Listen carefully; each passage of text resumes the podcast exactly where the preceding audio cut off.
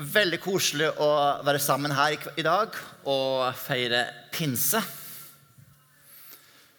Så det er vel, eh, veldig gøy. Vi feirer jo egentlig Den hellige ånd. Feirer menighetens fødsel. Eh, skal, I dag skal vi snakke om hvem er Den hellige ånd. Eh, vi skal gå videre og se hva gjør Den hellige ånd. Og så i kveld skal vi snakke om hvordan, eller rent praktisk hvordan kan jeg bli fylt av ånden.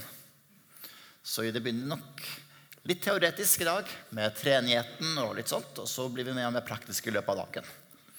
Så jeg tror det kan bli en veldig spennende eh, dag. Vi skal feire Den hellige ånd, vi skal feire Gud, vi skal feire det fantastiske skaperverket. Og vi skal få brukt kroppene våre i dag også på forskjellige aktiviteter. Så det tror jeg blir en spennende dag. Eh, så hvem er Den hellige ånd? Det er det store spørsmålet vi skal se på i dag. Eh, de andre personene i guddommen er mye lettere å gripe.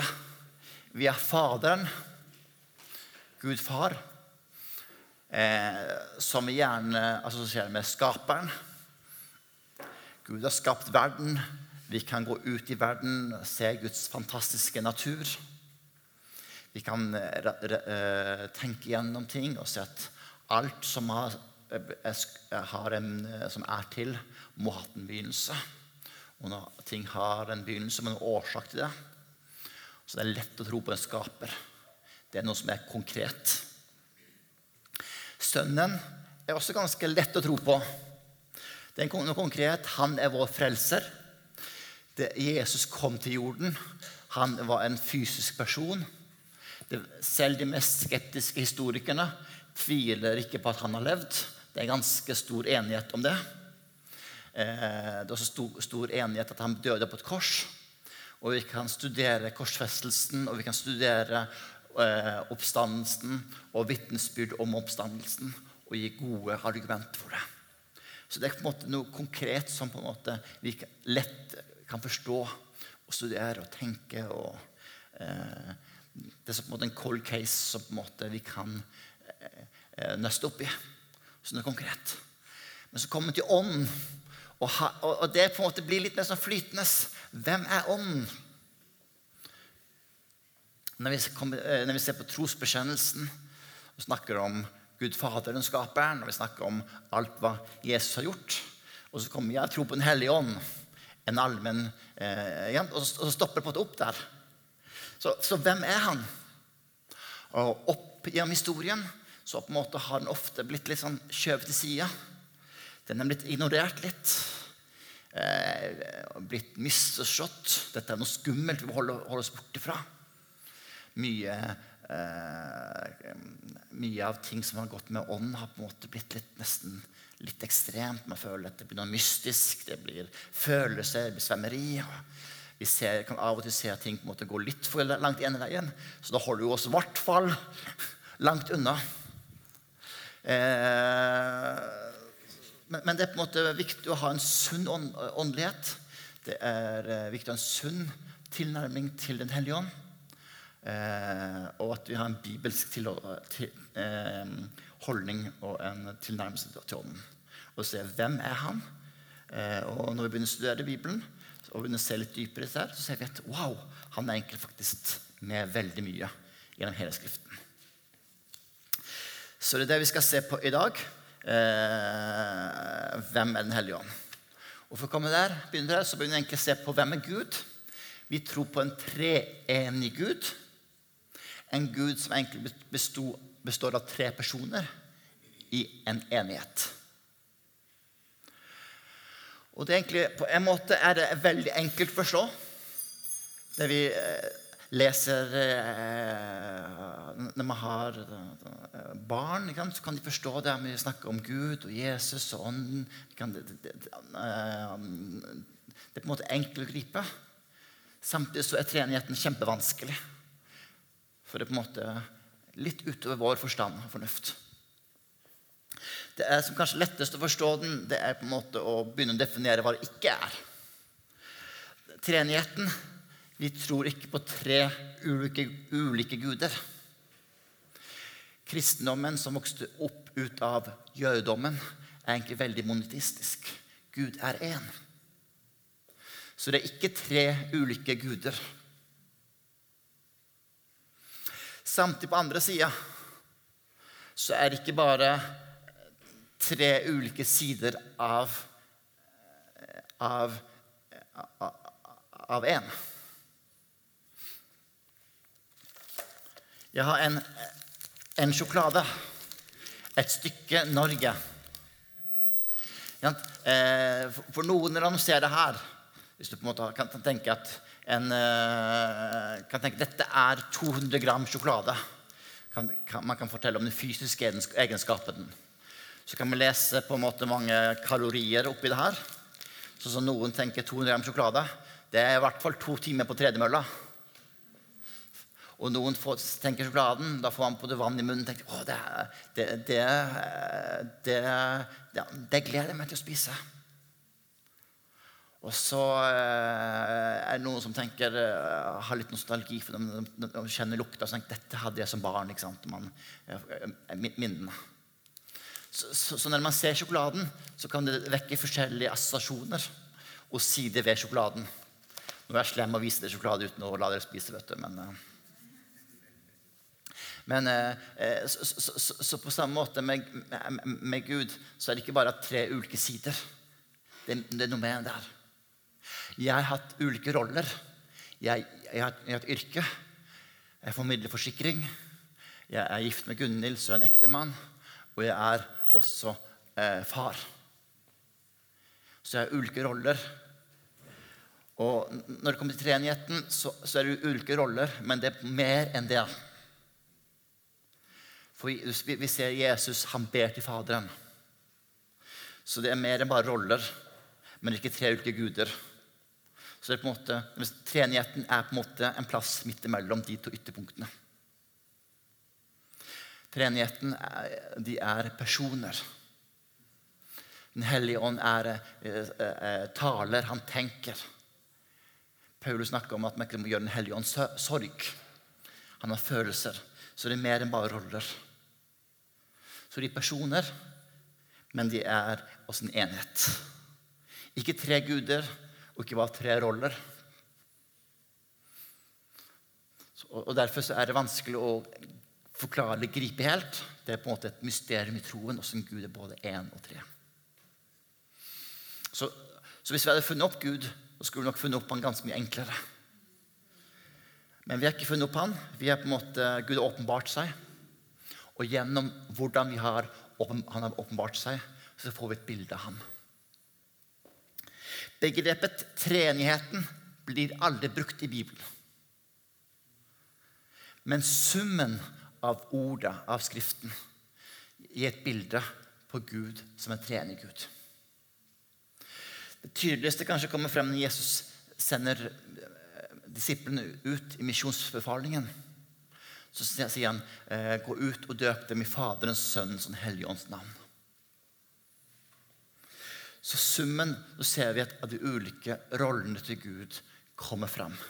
Men det er mer enn roller, det er personer. Eh, men begrepet treenigheten blir faktisk ikke brukt. Et bilde som på en måte kan hjelpe oss litt på veien, som er ukomplett, men på en måte er en pedagogisk bilde, det er å tenke oss også om solen. Solen er der. Og så har du solstrålene som treffer oss. Og så har du varmen fra sola som varmer oss, og som gjør at vi har liv. Tre sider ved solen, men ulike sider. Det er et lite bilde eh, som på en måte hjelper vei på hvordan Gud er. Men Gud er mer enn det. Men det er godt for oss å ha og til litt bilder. Og så lever vi nå, og vi forstår stykkevis og delt. Og så når vi kommer til himmelen og møter Gud face to face, så vil vi forstå fullt ut. Så vi er underveis. Men det at Gud er treenig, gjør at det egentlig eh, løser en del spennende problemer. Og det på en måte gjør litt eh, at Gud er helt unik. Vi snakker om at Gud er relasjon. Det er litt Guds vesen å være relasjon. Men han er relasjon i seg sjøl. Hvis jeg skal ha relasjon, så må jeg ha noen å ha relasjon med. Hvis jeg setter meg på en hytte og bare er sammen og leser bare bøker, så er det bare meg. Men Gud i seg sjøl er relasjon. Han er tre. Vi sier at Gud er kjærlighet. God is love. Og for å kunne vise kjærlighet så må du på en måte ha noen å ha, være kjærlighet med. Men Gud er nok i seg sjøl. Han er fullkommen i seg sjøl. Det er ikke sånn at Gud måtte skape oss for å ha noen å være glad i. For å ha et skaperverk. Men Gud er fullkommen i seg sjøl. Og i Gud så har du enhet og mangfold.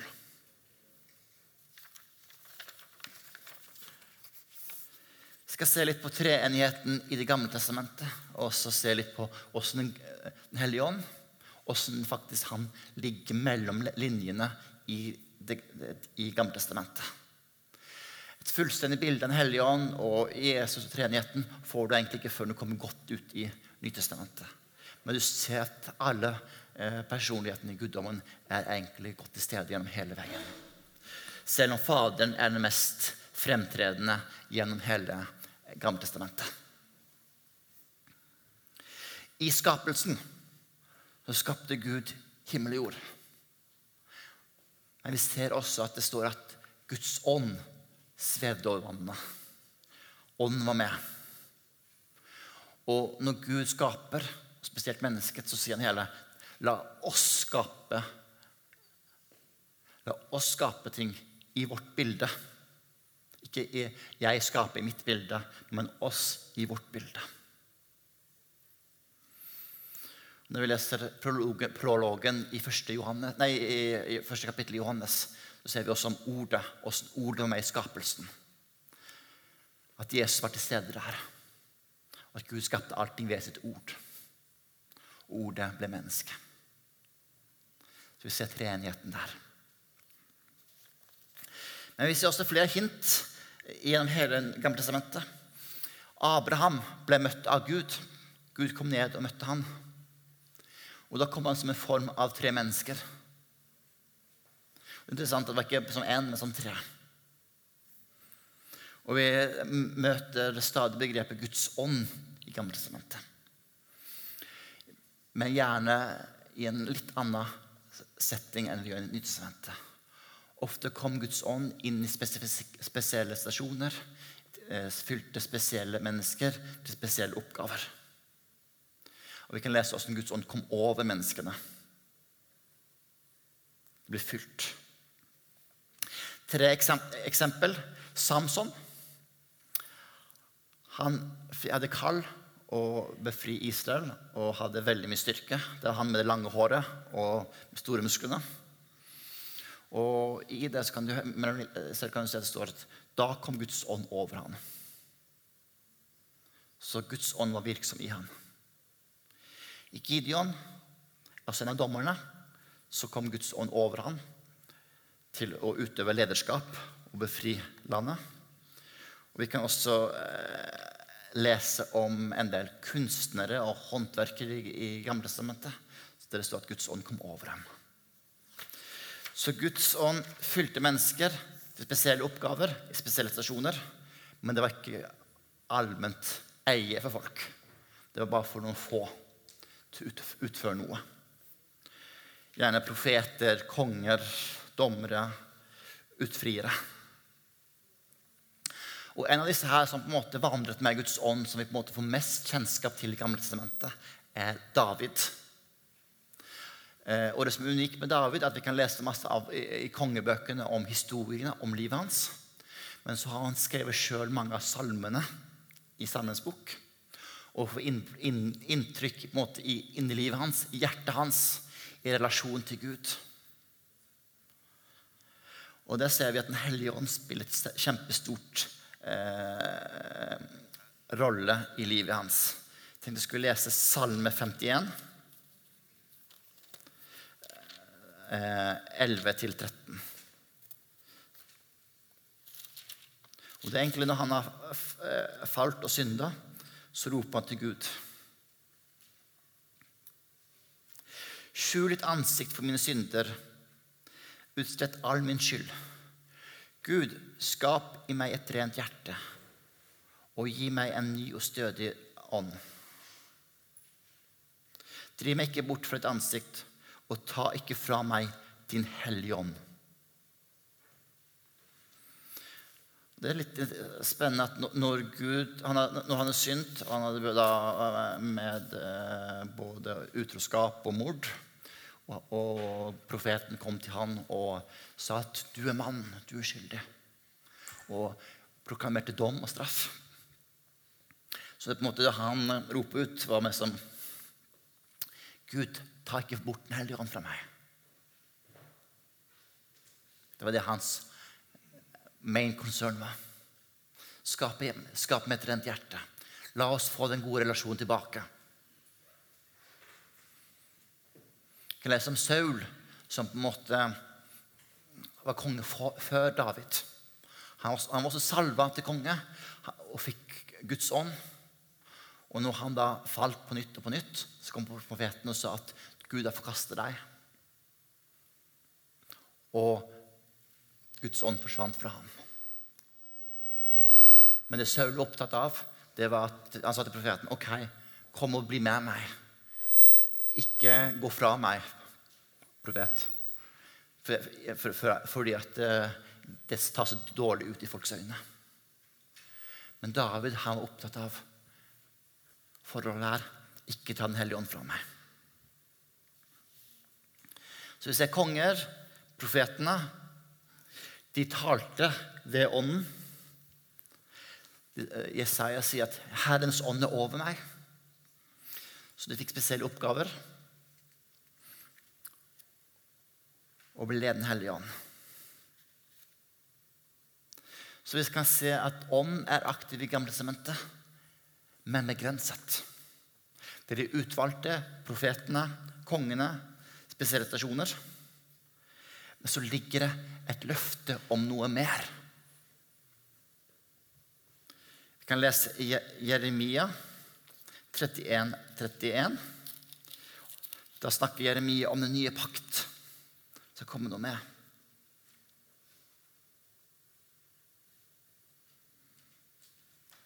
Se, dagen skal komme, sier Herren, der slutter ny pakt med Israels hus og Judas hus. Ikke som den pakten jeg sluttet med fedrene deres den dagen jeg tok dem i hånden.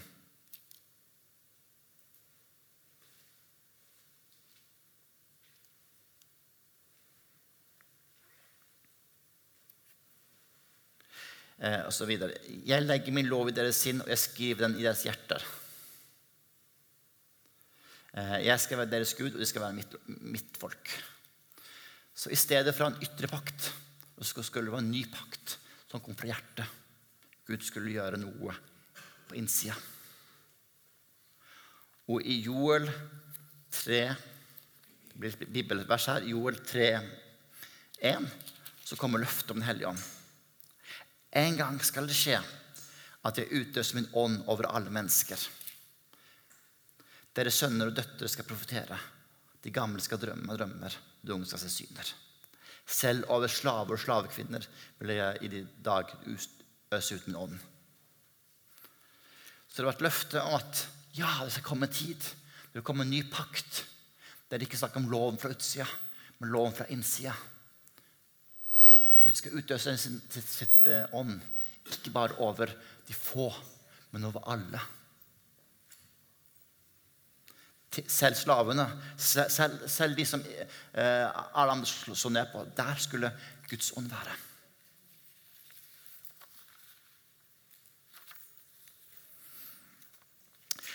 Så kommer vi frem mot Nytestamentet. Og da tenker vi at wow, nå skal det skje noe nytt. Men begynner Nytestamentet, ser vi fortsatt det samme mønsteret. Det er noen få utvalgte. Vi kan lese om Maria, som Den hellige ånd kom og var over.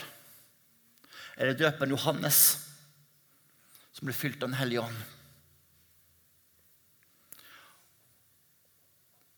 Og døperen Johannes han eh, profeterte om, om Jesus i Lukas 3, 16. Så er det et kjempesterke vers om Den hellige ånd.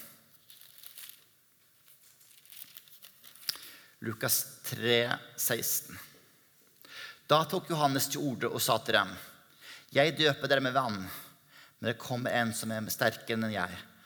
Jeg er ikke verdig til å løse sandalremmene på ham. Han skal døpe dere med en hellig ånd og ild. Med ånd og ild. Så det var løftet om Jesus. Han skulle døpe med ånd og ild. Og det som er spesielt med ild, det er på en måte bildet på Guds nærvær. Som dere så i den videoen eh, vi begynte møtet med. At ilden var, der Gud møtte mennesker. Gud møtte Moses i den brennende busken, i ilden. En ild. Når Abraham inngikk en pakt med, eh, med eh, Gud, så vanligvis ofra en dyr til Gud. Men her fikk Abraham beskjed at i stedet skulle han bare legge offeret klart og dele opp eh, dyret og kjøttet. Og så kom Gud ned med ild og forterte offeret. Og når Gud leda Israel ut av Egypt, så på dagen så var det en sky, eh, skystøtte, og på natten var det en ild. De levde under ild, ilden. Og Det var veldig kult at hver, hver kveld du gikk ut av teltet, så var Guds ild der. Oppe i himmelen. Gud synlig manifesterte sitt, sitt nærvær med ild. Og når, Jesus, når Moses fikk, eh, fikk, loven, så gikk han opp eh, på fjellet. I, der Guds sky hadde på en måte gått over hele fjellet, og der var ilden. Så ild var et symbol på Guds nærvær. Så, så, så Jesus skulle komme og døpe med ånd og ild. Og Vi så på en film hvordan skjedde det på pinsedagen. Interessante spørsmål er gjorde Jesus det. Faktisk, nei, I første omgang så gjorde han ikke det. Han fikk dette beskjed, han skulle døpe i ånd og ild. Og så gikk han der med disiplene sine og, døpte i vann. Sto der, og, og, flere og flere folk kom til han, og færre kom til, til Johannes. Og Johannes sier at 'jeg skal avta, han skal vokse'. Så Jesus gjorde ikke det. Men han sa at eh, når jeg går bort, da skal talsmannen komme. Da skal det skje.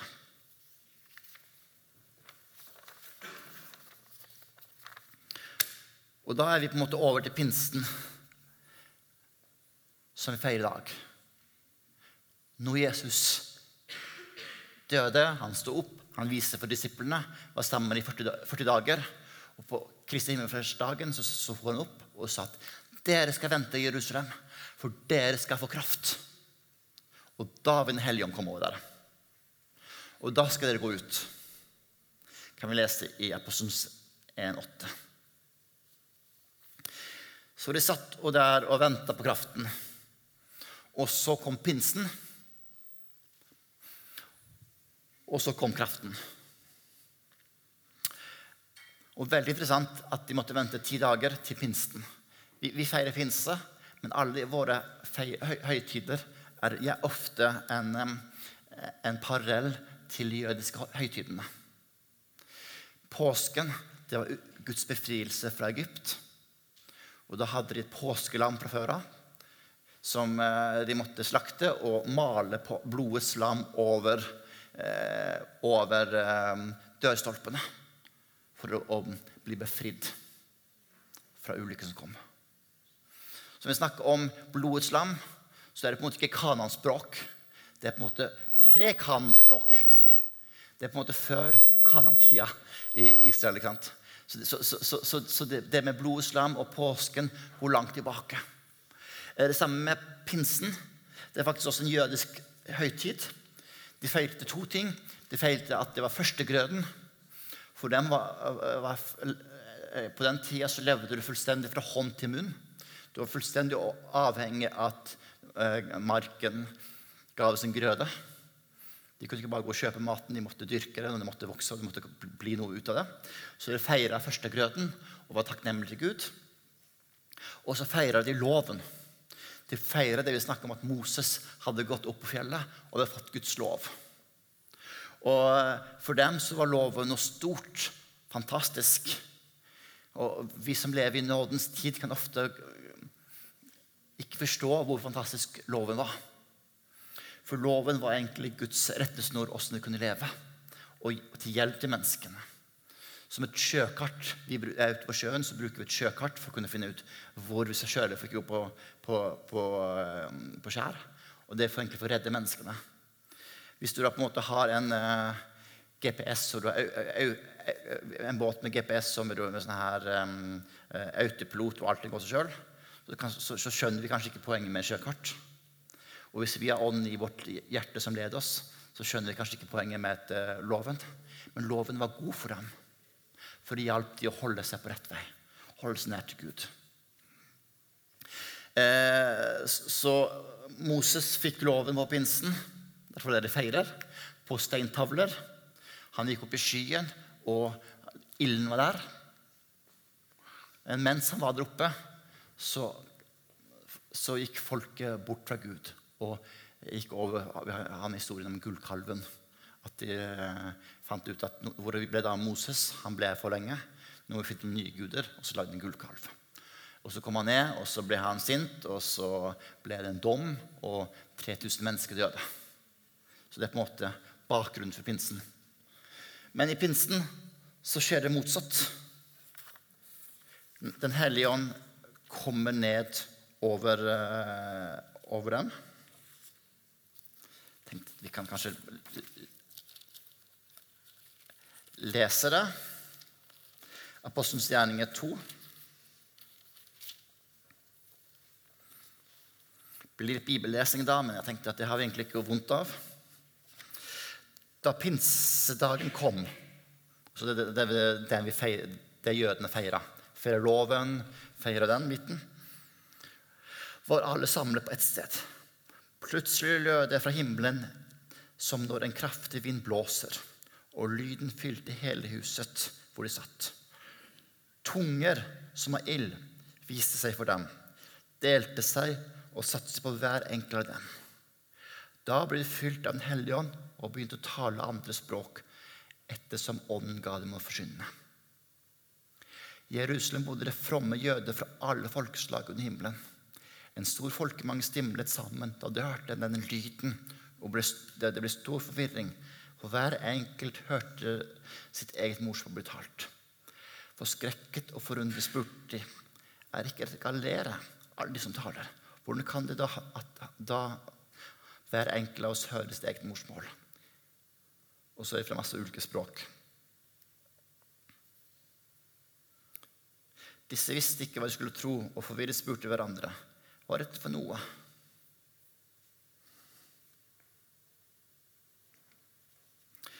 Da steg Peter frem sammen med de elleville. Eh, hva er dette for noe? Men noen gjorde narr av dem også. De har drukket seg fulle på søt vin. Da steg Peter frem sammen med de elleve.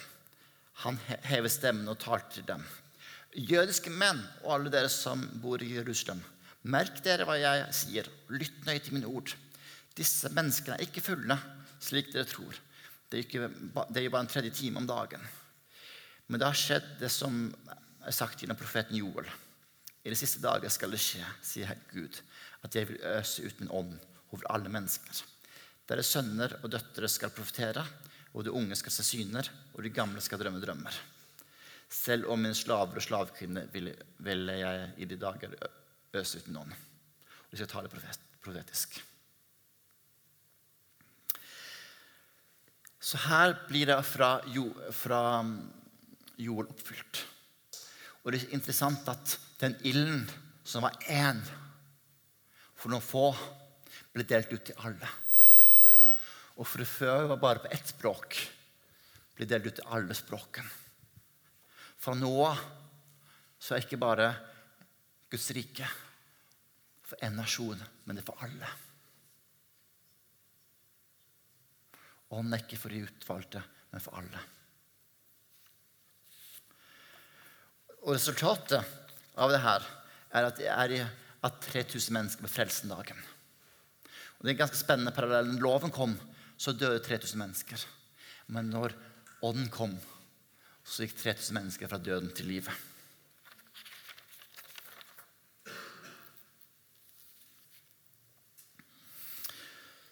Så for, å, så for å oppsummere hvem er Den hellige ånd? Han er en person som tenker, taler, sørger. Han er en person som vil ha relasjon med alle. Han er oppfyllelse av løftene, og han er egentlig Guds nærvær. Han kaller oss å mulig relasjon med Gud. Og han gjør veldig mye spennende. Så del to er å se hva gjør Den hellige ånd. Og Da skal vi ha en liten femminutts pause. Fylle opp kaffekoppen. Og så tar vi og fortsetter å se hva gjør Den hellige ånd.